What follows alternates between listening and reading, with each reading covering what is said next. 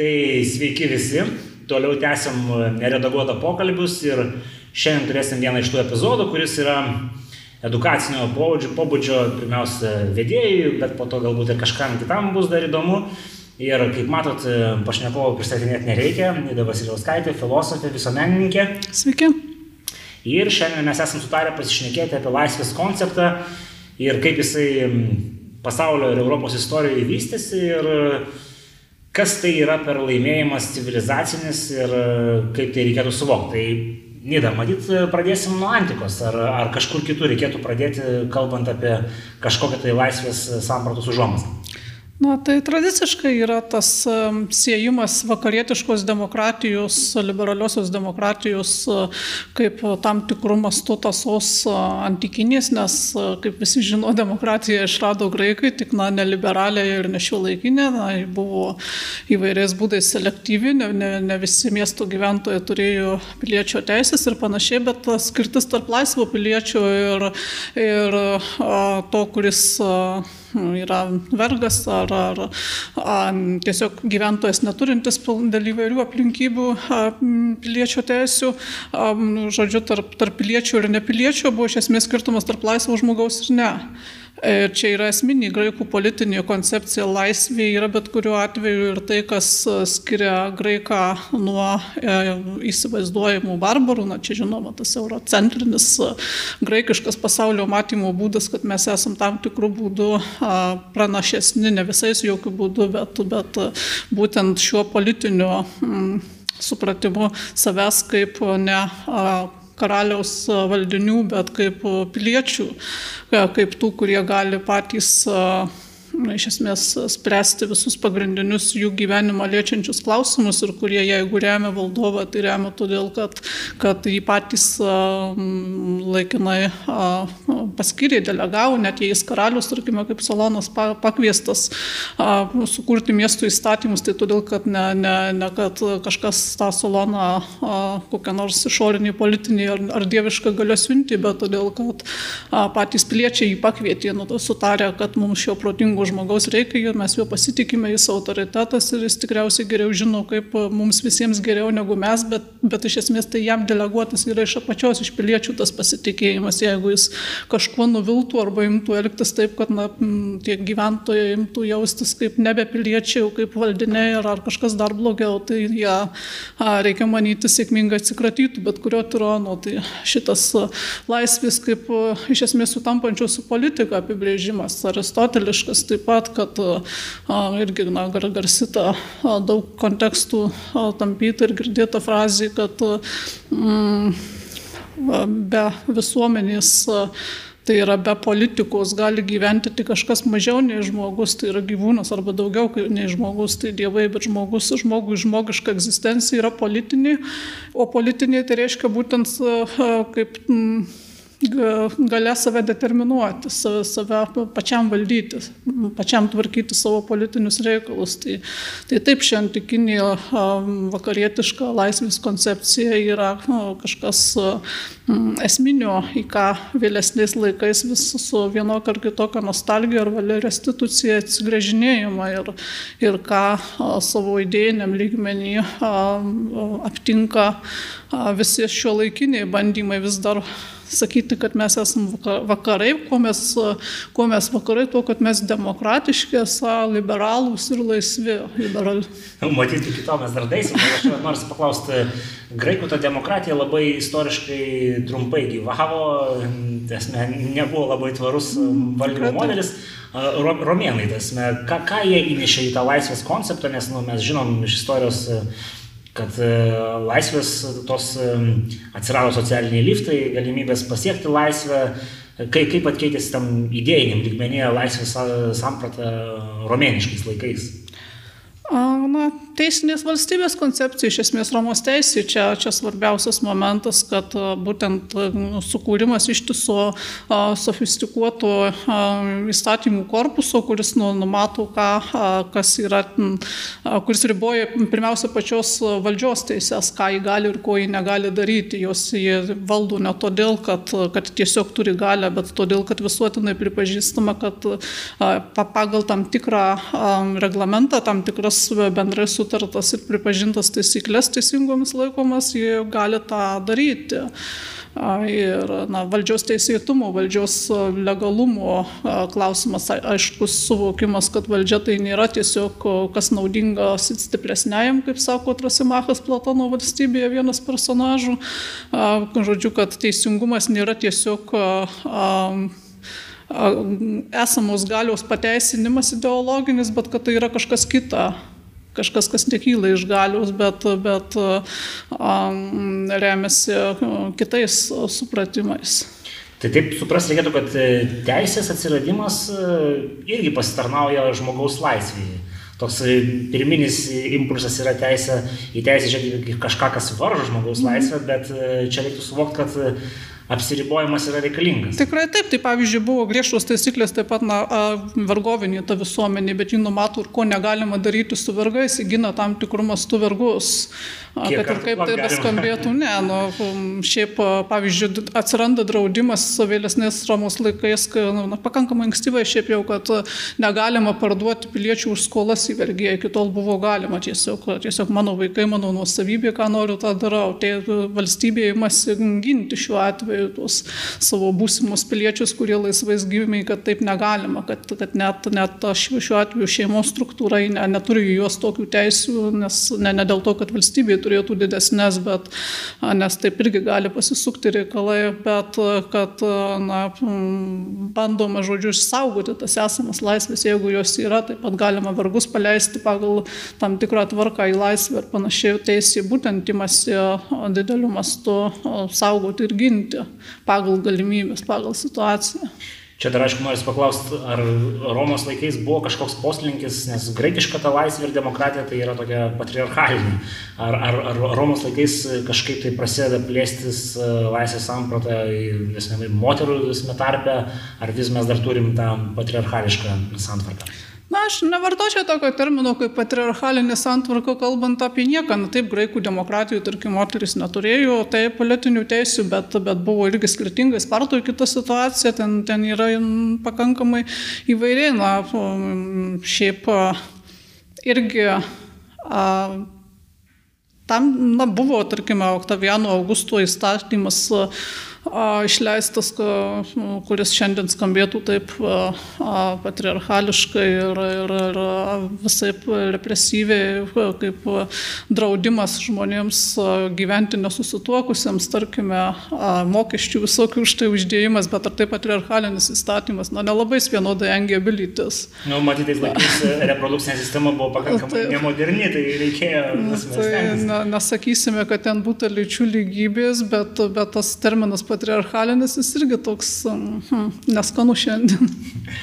Gerai, tai uh, Romos laikai irgi patyrė tam tikrą fiasko, atėjo, atėjo Europoje tai, ką mes vadinam tamsiaisiais amžiais, ar, ar galima kažką iki, nežinau, Tomo Kviniečio išskirti laikų, kas pasitarnavo kažkokiai tai laisvės sampratos plėtoti tais viduriniais laikais Europoje, ar, ar tai buvo tiesiog laisvės kaip fenomeno sąstingis?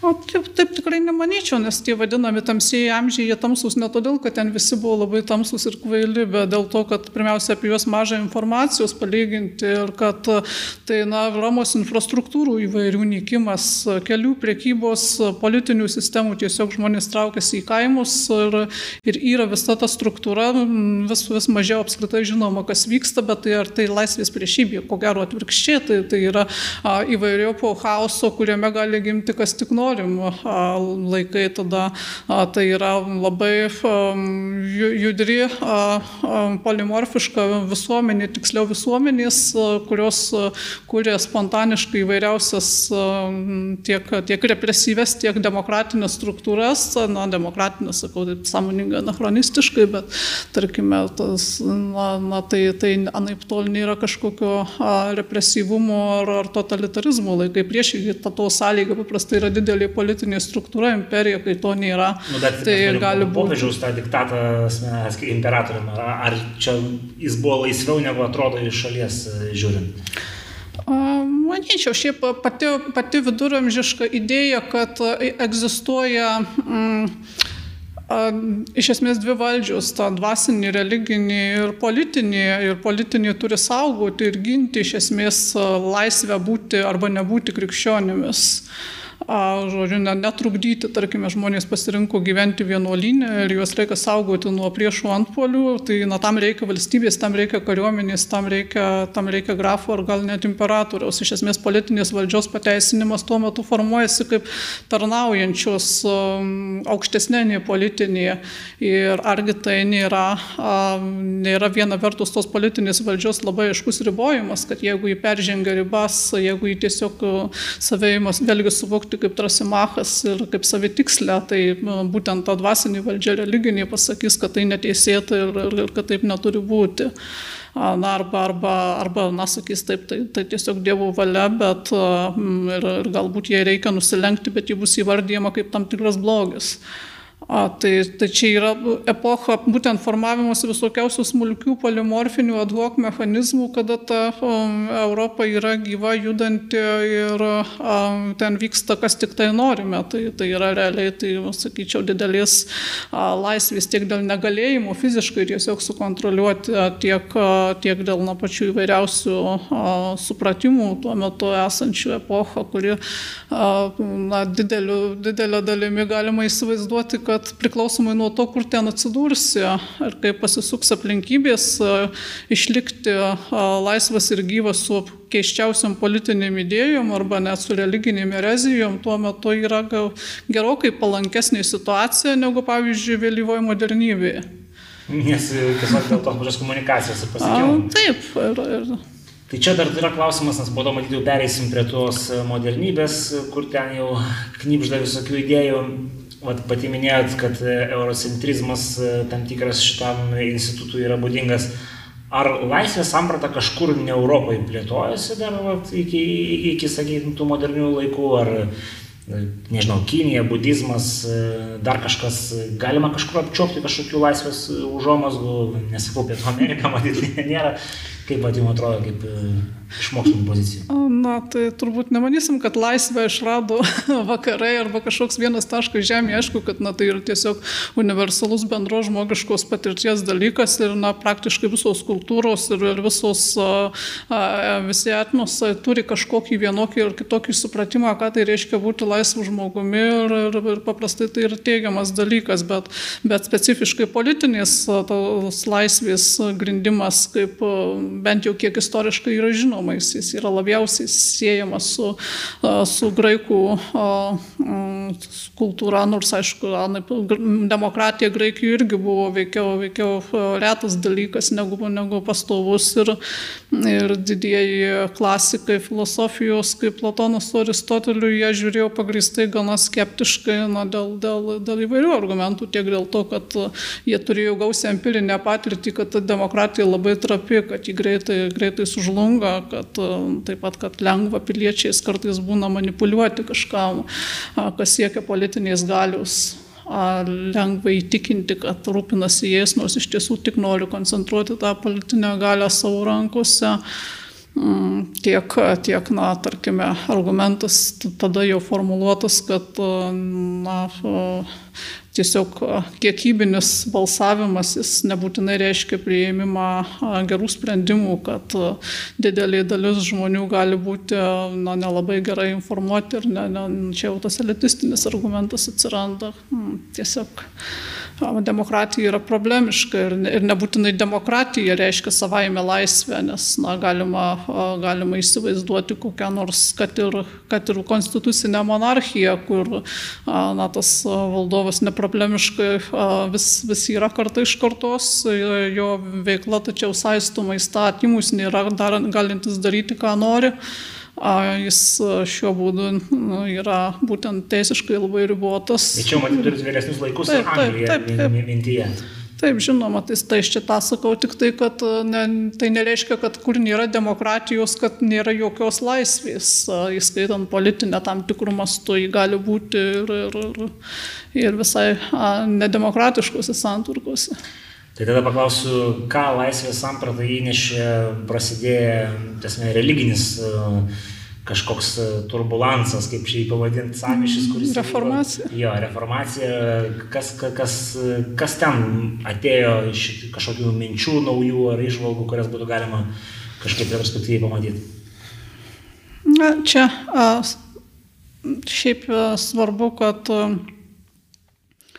atsiranda po politiškai a, reprezentuota mintis, kad a, pilietis gyventojas turi pirmiausia turėti pats tiesioginį prieimą prie religinių tekstų, kad nepakanka jam tos Biblija pauperum, tai yra skulptūrų ar paveikslėlių, Biblijos vargšams, kaip tai vadinta, bet jis turi pats skaityti, turi suprasti, vadinasi, kuo jis esą tiki, todėl reikia atitinkamai vertimo, vertimų į kšnekamasis kalbas švento rašto, tai na, matoma kaip būtent kaip delegavimas mm, didelės apsisprendimo ir supratimo mm, galios ir teisės tiems, kurie kito laikyti, na, nepajėgės tam. Tai taip, tai tam tikras mm, specifinių būdų suprastos laisvės manifestavimasis Europoje, nors, nors na, jis savo ruoštų reiškia karus ir mm, supratimą, kad buvo toks konceptas, kūrius regijų, tuos religijo, kad kieno valdžia, to ir religija, kad tuo metu vykstant protestantų ir katalikų kariams, kad toj teritorijoje laimėjusi politinė galia ir valdovo, kuris, kuris tam tą teritoriją kontroliuoja, religiniai įsitikinimai yra ir gyventojų įsitikinimai, kurį laiką tai na, atrodo normalu, po to savo ruoštų pradedama matyti, kad tai nebūtinai gerai ir teisinga, kad pilietis turėtų pats galėti apsispręsti ir nemanyti taip, kaip mano jo valdovas, kad vadinasi sekuliarios valstybės idėja atsiradinėja, na, tai, tai tam tikra laisvė. Tai čia jau matyt ateinam į, tasme, į renesansą, į kažkokius naujus laikus. Kas vat, buvo tie, nežinau, skatinantis motyvai permastyti, ar čia tie religiniai karai, ar dar kažkas, ar, nežinau, devalvacija kažkokia katalikų bažnyčios, uh, kuri vat, vyko to, to procese, kodėl vat, atsirado tas, ar progresas, nežinau, žmonių gerbuvio materialinis gerėjimas, kas čia įnešė tą pokytį. Na, progresu, progresu aš nelabai tikiu, nes Nu, bet ypač... atsirodo varikliai, kiti dalykai kažkokie. Na, tai nepaneiksim, kad tam tikri dalykai, tam tikras rytis, tarkim, galimas technologinis progresas, ga, galimas tam tikras laipsniškas gerėjimas laikė kažkokioje srityje kurį laiką, kokiu nors dalyku, bet tai paprastai nereiškia automatiškai, kad tiesiog visuomenė kaip visuma visų kuo gerėja. Tai ši, būtent ši idėja progreso ir žymi modernybės pradžią, čia ta vadinama apšvietos laikų laikų idėja, kad um, Štai mes esame, nors ir iš tikrųjų ankstesnį, jau, jau vėlyvais viduramžiais buvo jausmas, kad mes modernūs, mes visai esame kitokie negu ankstesni, bet tai, tai jau, žodžiu, tada gerokai anksčiau net nei modernūs laikai atsiradusi koncepcija, mes modernūs būtent kažkur apšvietos epochoje, staiga tampa tokiu riboženkliu ir dabartinės mūsų tikrovės, turbūt tokia viena iš sąmonės konstantų, kad va, mes esame visai kitokie, ne visos praeities kartos, tai kas galiojo kažkada anksčiau viduramžiai amžiai prasideda be maž su mūsų tėvais. arba, arba 19 amžių. tai baigėsi. Tai a, šitas tikėjimas epochinių lūžių nepataisomų ir kad tas lūžis dar plus yra kokybinis, ne tik, kad įvyko lūžis, bet mes geresni, mes ne tik kitokie, mes geresni, mes, mes, mes protingesni, mes supratingesni, mes daugiau žinom, geriau informuoti, geresnės technologijas, turim šitą mintį savo ruoštų, ji yra na, tam tikra uh, ideologema, ji nėra faktas, ji yra mm, supratimas supratimas specifinis, būtent atsirandantis modernybėje, kaip savęs pateisinimas, kaip kartu na valia, dažnai be, be jokių didesnių skrupulų ir pastangos suprasti, kas iš tiesų vyko, nu, nurašinėti tą praeitį ir, ir, ir praeities įvairius išbandytus dalykus, kaip tiesiog kažkokį tamsumą, va taip atsiranda tie e, įsivaizduojami tamsieji viduramžiai, kurie toli gražu nebuvo tamsus ir šviesesni už daugelį dabar gyvenančių, būtų visai visai tiesiai to pasakyti. Tai dar panašiais laikai, laikais man atsirado ir tos jau dabar suprantamos kažkiek tai politinės ideologijos. Ar, tarkim, liberalizmas įnešė kažkokių naujų potipių į laisvės suvokimą? Tikrai taip, nes liberalizmas yra šio viena iš pagrindiniai faktiškai šio laikiniai politinė ideologija, kuri o, šiaip stovėjo toj laisvės sargyboje, nes, nes liberalizmas pirmą kartą artikuliuoja individų kaip politinio tikrojo subjekto idėją, būtent kitol kalbama apie laisvę kaip na, visuomenės laisvę, piliečių laisvę, religinio subjekto laisvę išpažinti tikėjimą ir panašiai, bet nekalbama apie atskirą praktiškai bent jau kažkokius išryškintų būdų asmenį. Tuo tarpu liberalizmo, kaip žinom, pagrindinė mintis yra, kad na, visuomenė neegzistuoja kitų būdų, tik kaip individų suma, nėra visuomenės kaip e, kažko kokybiškai kito ir skirtingo nei jas sudarantis individai. Va, tas socialinis saitas čia konservatizmo būtų prielaida, yra pirminis, tuo tarpu liberalizmas čia būtų um, antipodas konservatizmo, sakantis, kad ne, nes socialinis saitas individas pirminis, tai yra individas yra tas politinių teisių ir laisvių turėtojas, individas yra politinis agentas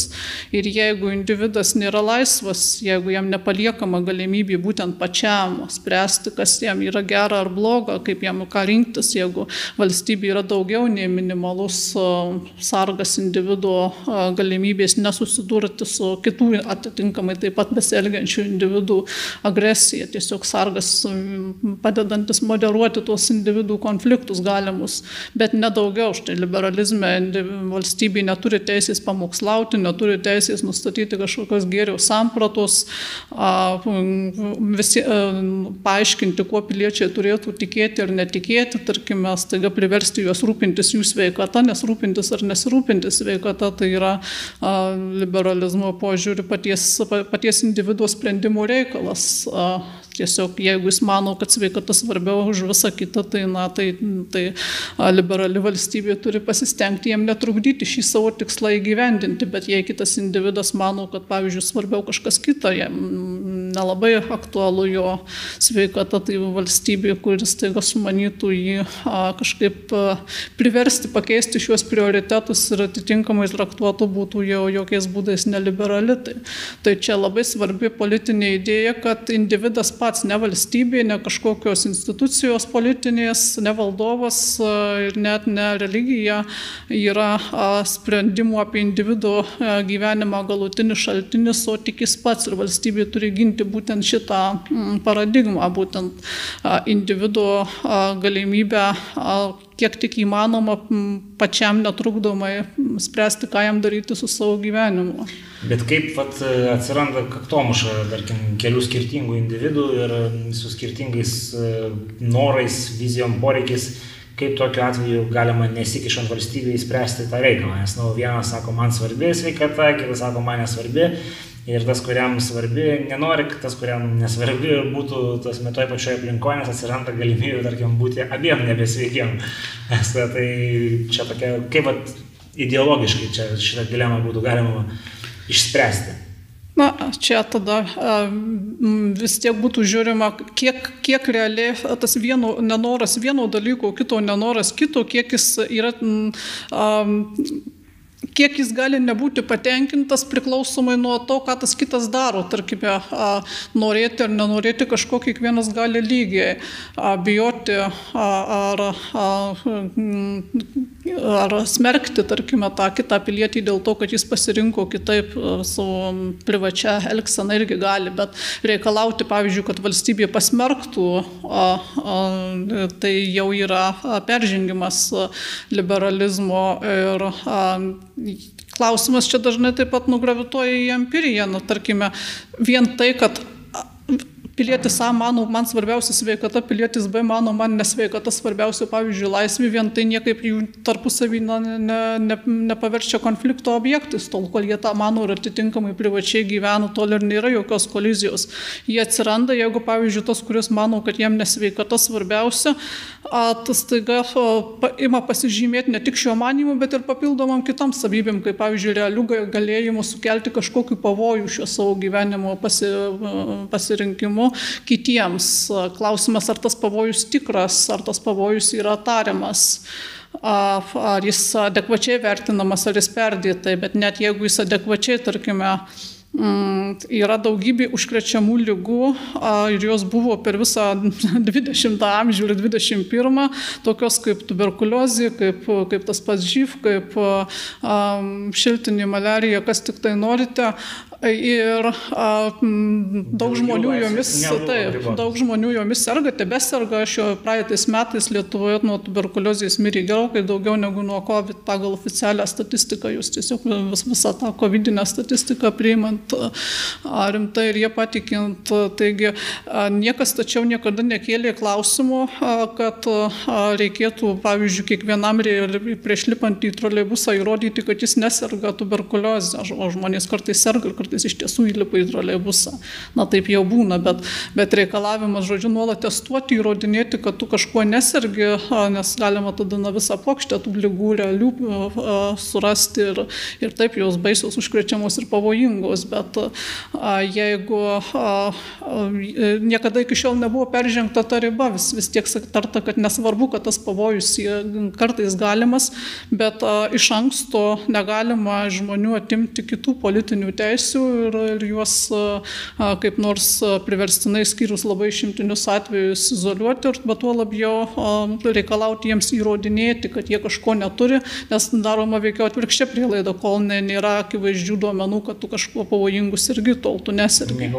Taip, čia nekaltumo prezumcija yra verčiama, tai, tai va, tas laisvių susidūrimas ir poreikis moderuoti jis realiai tokiais atvejais būtent liberalioji demokratija ir tik todėl ji nusipelnė to vardu liberali. Ir demokratija buvo visada sprendžiamas taip, kad žmogaus teisės yra skirus specifinius labai atvejus, yra mm, pirminis, tai yra teisė į savo kūną, teisė judėti, teisė gauti informaciją ir ją skleisti necenzuruojamam fact-checkeriu ir taip toliau, teisė pačiam nuspręsti, kuo tikėti fact-checkeriais ar, ar, ar, ar jiems nepatinkančią informaciją, žodžiu, prielaida apie tai, kad pilietis yra pakankamai racionalus, pats suprasti, kas vyksta, kad jis pajėgus atsirinkti informaciją, jam nereikia auklės, jam nereikia kažkokios pasakytų, čia netikėk, čia melas, o ten paskaityk ten tiesa. Šitas elgesys jau niekaip nei demokratinis, nei iš viso nebenumatantis tos uh, vakarietiškos asmens kaip laisvo ir protingo, kaip bent minimaliai protingo, kaip pajėgaus pačiam spręsti apie tai, ką jis mato ir pačiam priimti sprendimus, kurie tačiau yra jo ir tik jo reikalas, na kol tai kaip nors drastiškai iš tiesų nepaliečia kitų, bet tada jau, jau sprendžiame, kas iš tikrųjų įvyko. Ir, šiaip visada ta tokia defaultinė yra valia. A, individuo naudai, kad tol, kol, kol jis neįrodyta, kad iš tikrųjų serga atvirą tuberkuliozės formą ir, ir, at, nu, kažkur atėjo piktybiškai kitų užkrėsti, tol, tol prie jo nesikabinėjama. Ir... Tai čia dar nors, aišku, mes iki šių laikų dar dveisim, bet vat, e, tam liberalizmo ir konservatyvizmo, e, sakykime, tarpsnėje pradeda vystytis naujas mąstymas. E, komunizmas, socializmas, Karlas Marksas, kažkas visgi buvo negerai, e, kažkokių prielaidų atsirado, kad e, gerokai kitas minties poslinkis e, atsiranda. Tai kas, kas čia vyko ideologiniam, kaip pat Karlas Marksas grindžia žodžiu, kad reikia tas laisvės raukti. Ne, tai jis ne, šiaip ir nebūtų sakęs iš principo, kad kuo nors laisvė blogai, jis nėra laisvės priešas kaip tokio, šiaip niekas nėra atviras laisvės priešas, įskyrus, nežinau, dabar konservatoriai, manau, yra, nes, nes jie taip sako. Bet šiaip iš klasikų tai na, niekas nesakytų, kad blogai laisvė, blogai, kai žmogus laisvas, bet veikiau kiti akcentai. Taip, iš tiesų, liberalizmas turi problemų ir, ir ta kairioji tendencija, socializmas atsirandantis yra reakcija į jį, kokia problema pagrindinė, kad na, liberalizmas grįstas prielaida, kad jei tau tik tai netrukdys valstybė arba kiti žmonės, tai na, paprastai tariant, dirbk ir turėsi. Va, tas, tas primityvus lozungas, kurio, kurio mes maitinti šitą, šiuos 30 metų, kad tiesa, jeigu tau, jeigu na, nepavyksta praturtėti, nepavyksta padaryti kažkokios norimos karjeros, žodžiu, jeigu socialiai žmogui nesiseka, na, tai jis tinginys arba negabus, nes yra visos galimybės ir, ir tik jis pats kaltas. Ir, ir jeigu kartais jis nemano, kad jis pats kaltas, tai tada atsiranda juokeliai mūsų vietiniai hihi kalta aplinka, aš iš pakso laikų ateinantis ir tada visi žino, kad tai labai juokinga ir nesąmonė, nes tikrai tikrai jis pats kaltas. Tai būtent, na, vis dėlto ne visuomet žmogus pats kaltas, yra kartais įvairios platesnės socialinės, politinės priežastys, iš tiesos aplinkybių sampinos, dėl ko jis anaip tol nėra toks savo laimės kalvis ir, ir na, matymas, kad tai yra na, dažnai tiesiog drastiškas, brutalus neteisingumas imti ir, ir, ir staiga sakyti, kad kažkoks multimilijonierius yra toks dėl to, kad jis labai protingas. To turbūt dažnai netrodo labai protingu. O, taip, arba, na taip, arba, arba kad kas nors kam socialiai nepasiseka tai kad taip yra tik dėl to, kad jis tingus ir kvailas. Irgi, na, šią, šią labai negudrę mintį a, a, būtų labai sunku kaip nors įtikinamai apginti. Būtent reagavimas į, į šitai, pam, į, va, pamatymas, kad a, yra dalykų, a, dėl kurių žmogus negali a, būti vien tik pats kaltas, kad yra įvairių institucinių, kultūrinių, politinių kliūčių, tarkime, kurios į, įvairiais būdais kartais sustabdo ar smugdo, arba na, pagaliau yra ir kitokie pasirinkimai, ne kiekvienas siekia tuo būti sėkmingu verslininku ir jie juo yra, nėra, netapo, tai nereiškia, kad būtinai jis bandė, bet jam nepavyko, gal jis kažko visai kito norėjo. Bet, bet aš kai suprantu, tai komunizmo laikotarpiu buvo noras visus sulyginti ir tas laisvės apkirpti, kad nebūtų tų įsišokimų. Na, čia idėja apie tą lygių galimybių visuomenę, tą pačią, kurią ir dabar girdim, kuri nėra, nėra tik tai koekstensyvi, vien tik tai ta socializmų idėja, kuria ir liberalizmas pasirašytų pradinėje situacijoje, kad taip mes norim visuomenės, kurioje visiems lygios startinės galimybės. Tai yra niekas nėra iš pradžių kaip nors įstumiamas dėl, dėl, na, dėl kažkokios odos spalvos, dėl lyties, dėl to, kad gimė neturtingoje šeimoje, dėl to, kad, kad jo tėvai alkoholikai, dėl to, kad, na, žodžiu, dėl dalyvai įvairiausių galimų, arba priešingai nebūtų privilegijuotas dėl to, kad gimė kažkokio įtakingoje dinastijoje ir dėl to jam visos durys atviros. Žinoma, tą, visiškai pašalinti tą faktorių savo ruoštų nei, neįmanoma, nei, nei galop irgi ne, nevirstų, nebūtų matoma kaip, kaip neproblemiška ir, ir, ir teisinga, bet, žodžiu, idėja, kad visuomenė turėtų būti maksimaliai lygios pradinės galimybės tam, kad po, po to viskas priklausytų jau nuo tavęs paties, ji gali būti ir liberali, nebūtinai kokia nors marksistinė.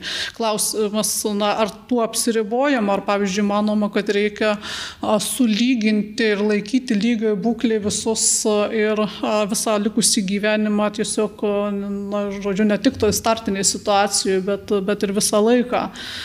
Tai būtent tuo, tarkim, pasižymėjo ta, ta sovietinė visuomenė. Kad, Nors tarkime, irgi buvo lygesnių negu lygus. Na, tai žinoma, kasta. nes na, tiesiog iš tikrųjų niekur nėra, na, regis, jokie antropologai nerado jokios genties, kurioje būtų reali faktinė visų lygybė, nes na, žmonės, žmonės nėra, nėra vienodi, jie ne vienodai elgesi, ne vienodus dalykus mėgsta ar sugeba, pagaliau yra atsitiktinumo faktorius, žmonės niekada negyvena visuomenė, kuri būtų visiškai lygi. Tai pastanga tą dirbtinai pavyzdžiui, kažkokias nustatyti gyvenamų erdvių leistiną dydį, tarkime, buvo sovietiniais laikais ne kažkoks gyvenimo plotų ribojimas, kad jeigu žmogus pasistatė šiek tiek didesnį namą, tai reikia atimti tą gabalą, pavyzdžiui, pavadinti kambarį palėpę, kad tai būtų nebe kambarį. A, tai, tai čia, čia jau prasideda būtent tos pačios antiliberalios represijos tada. Gerai, tai tada matyt prieinam prie, prie to, kas bet kokiu atveju komunizmas kažkuria prasme patyrė fiasko ir visgi liko dar intelektualų, kurie mąstė, kad galima patobulinti šitą koncepciją ir mes prieinam iki, iki to, sakykime, postmodernizmo, kuris, nu, vis tiek yra šiek tiek į kairę. Kokios čia idėjos vystosi laisvės, ar laisvė dar lieka kaip savoka, ar čia jau išblunka ir yra kiti kažkokie, nežinau, užimantis institutai šitą vietą. Na, su postmodernizmu siejamiems klasikams tai paprastai tai yra svarbu. Pats postmodernizmas matomas kaip įvairiais būdais, na, laisvinimasis nuo, tarkime, nuo to, ką jie vadina tais do, dominuojančiais metanaratyvais, tai yra tam tikrais, na, viską paaiškinančiais, kaip yra su pasauliu arba su visuomenė pasakojimais, kad nėra tokio vieno, kad pastanga, pavyzdžiui, ta, pateikti tą vieną skėtį ir vieną paklodę yra nepagrįsta, net laikanti kritikos ir savo ruoštų neteisingumas ir todėl, todėl pasiūlyti visą pluoštą į galimų perspektyvų, būtent parodyti, kad na, iš vienos situacijos žvelgiant ir remiantis vienu prielaidų pluoštu atrodo dalykai taip, o žvelgiant iš kažkokios kitokios paradigmos atrodo kitaip.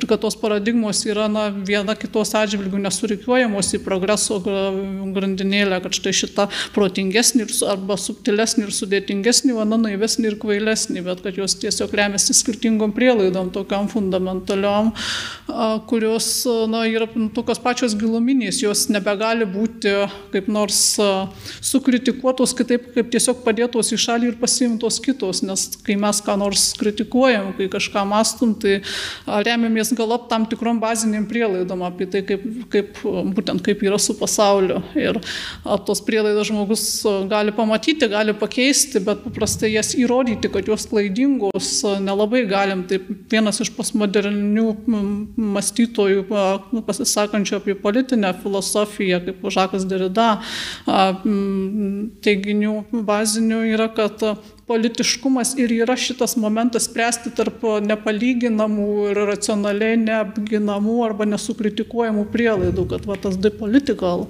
politinis momentas yra būtent savo esme šitas sprendimo momentas, vadinasi, tai yra ta postmoderni tarkime, derida tipo politikos vizija yra visiškai priešinga tam, ką mes dabar matom kaip ekspertų valdžią, kaip politikos suvokiamos kaip administravimas, mokslų grįstos tos politikos čia visi postmodernistai vartosi karstuose, sakytų, kad a, čia yra tiesiog politikos destrukcija. Politika nėra a, sužinojimas pasiklausus ekspertų tikrų ar tariamų, kaip yra ir atitinkamas elgesys, čia buhalterio elgesys, administratoriaus elgesys. Bet tai va čia kyla klausimas, ant, turėjom tokį laikotarpį keletą dešimtmečių, kuris vat, pasižymėjo tų didžiųjų naratyvų E, trupėjimų įrimų ir štai ateina vėl didysis naratyvas, e, esame šiek tiek kalbėję, neomarksizmas arba leftizmas, e, kuris vėl viską pabando paaiškinti ir liberalioji demokratija tampa kažkokia liberaliaja biurokratija. Kas, kas, čia, tai kas čia įvyksta? Net ir nebeliberali, tai būtent biuro, biurokratija, kitaip ir nepasakysi, tai nebe, nebėra niekaip tai, ką mes dabar matom kaip politinė tikrovė, tai nėra legitimuota postmodernizmo, tai yra legitimacija to, šiokia tokia ideologija, manyčiau, yra ideologinė, yra tai, kas vadinama dataizm, dataizmas. Tai yra bendroji tokia pasaulyje žiūra, ne, ne filosofų konstruota, bet veikiau nusėdusi administratorių ir, ir mm, viduriniosios klasės sąmonį idėja, kad, na, Visatą sudaro iš esmės duomenų srautai, žmogus irgi yra toks e, duomenų um, recipientas ir perdavėjas, kad e, statistika iš esmės yra galutinis mokslas apie tikrovę, Vat, e, tas individas demontuojamas, iš esmės būtent liberalus individas, apie kurį čia aš nekėjau, jis čia beje nusipelnė ir postmodernistai jį kritikuodami, nemažai jo tiesiog nėra, jis būtų juokiamas iš jo kaip iš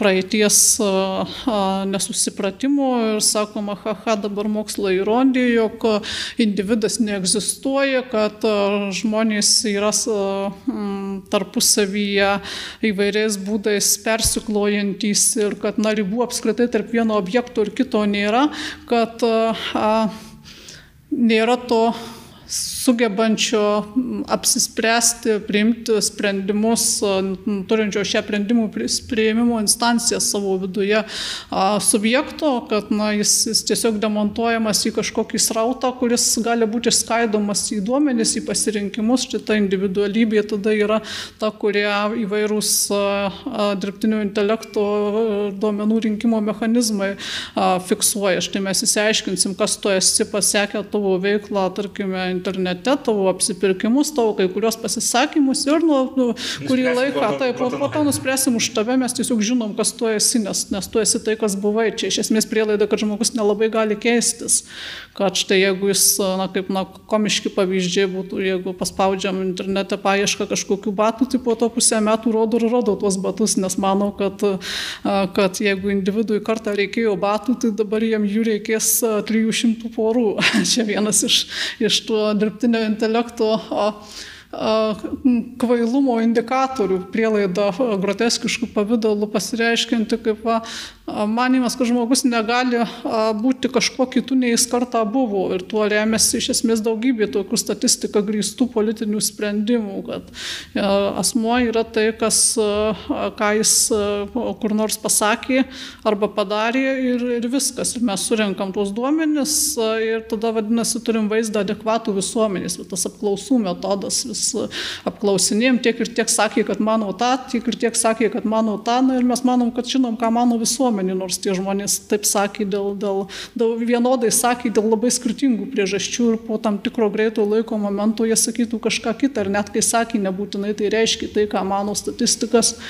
Ir, ir tiesiog čia būtent tas grubus toks pavertimas statistiniais lygiaverčiais kiekybiškai matuojamais duomenimis visko. Mm, ir tas praktiškai duomenų srautas tampa kabutėse politinių subjektų vietoj individų, o duomenų srautas negali turėti teisų yra be abejo, kad algoritmai žino geriau už jį. Bet mes nematom masiško žmonių priešinimuose. Yra tam, sakykime, kažkokia dalis, nežinau, ten iki 50 procentų, kurie galbūt priešinasi, bet daliai pusė apie pusė visuomenės yra priimtina šitas virsmas ir, ir, ir tas didysis leptizmo naratyvas yra, yra priimtinamas, kur, kur čia yra. Ar čia žmogus pasikeitė, ar čia silpnąją jo vietą apčiopė pro, progresas. Na, aš ne, neturiu tokio tikrumo, kad tai būtent tik maždaug pusė, tiesiog mes to nežinom. A, gal, nežinau nes tą yra sunku kaip nors nustatyti ir to paprastai žmogus turi įspūdį. Rinkimų rezultatai galėtų būti kažkoks indikatorius, kiek vat, yra A... tų tokių, sakykime, progresyvių jėgų surenkama balsų, kiek yra surenkama tų tokių. Nu, čia labai sunku spręsti dėl to, kad, kad, tarkime, šiuo atveju tie rinkimai buvo seniai, niekas tos progresyvios jėgos, kurios, kas tai yra tas progresyvumas, kurios pateko, tarkime, į Seimą, jos žadėjo priešingus dalykus, negu dabar daro. Lietuvos, Lietuvos Lietuvoje yra tų, tų paradoksų, bet tarkim, tarkim pavyzdžiui, paimkim demokratijos tėvynę, čia šaržuojant Ameriką. Ir nu, ten tas balansas eina 50-50, ne, ne vieną dešimtmetį galbūt, net galima sakyti. Tradiciškai taip, bet dabar galbūt, galbūt vyksta kažkas savo ruoštų keistų, nes na, jau nebegalima ir pasitikėti tiek, tiek tais viešai skelbiamais duomenimis, nei, nei be abejo jų interpretacija yra sunku pasakyti, bet bendrai kodėl, kodėl nesipriešinama, na, kad, kad žmogus ryštųsi priešintis atvirai, tai reikia visos eilės papildomų sąlygų. Tarkime, individas nėra paprastai organizuotas, jis nėra kažkokių politinių struktūrų, dažniausiai ar karinių narys, jis, jis tiesiog privatus pilietis, būtent tas vis dar liberalizmo subjektas ir jam vienam priešintis, tai reiškia jam vienam nukentėti, jis, jis prisitaiko dažnai prie iš esmės bet ko, tai nereiškia, kad jis pritarė. Jam sunku ką nors daryti sunku priimti sprendimą, išdrįsti, nes, nes tada jis bijo likti vienas. Reikia tuo labiau, kada na, tarkime, egzistuoja ištisa propagandos mašinerija, kuri vaizduoja jo nuomonę kaip niekieno nuomonę, sako, va niekas taip kaip tu nemano, jeigu tas žmogus nėra labai socialus ir turintis didelį socialinių ryšių tinklą, tai jis net negali žinoti, ar kažkas taip manus lengvai gali tikėti. Tinklų, ar, ar tai įmanoma toks, toks konstruktas žmogui galvą kišamas, bet Mm. Visi mes galim pasitikrinti, kiek yra panašių pažiūrų. Ir... Galim, bet, bet na, kaip tie, netaip, netaip tai paprasta. Pavyzdžiui, tas pats Facebookas rodo dažnai jau tą, ką, ką tu esą turėtum matyti. Egzistuoja visokie apsisupimo savais pažįstamais, kurie dažnai matomi ir kurie kitos pusės visai nemato arba nuolat jie vaizduoja kaip na, kažkokią groteskišką ir kvailą mechanizmai. Bendras rautas, tarkime, atsitikti atsitiktinis Facebook'o srautas, jis nėra atsitiktinis, tai, tai paprastai jis yra būtent pritaikytas vartotojui. Adaptuotas. Tai adaptuotas. Na, Google jau išmeta iš karto atsidarai puslapį ir jums kriti straipsnį tai jau yra ištisi filtrai, kurie uždaro žmogui tam tikrą burbulą ir būtent jiem net nelabai pasako atvirai, kad taip yra, jis vis dar tiki, kad mato tiesiog kažkokį atsitiktinį srautą arba bendrą informaciją, bet ji yra filtruota.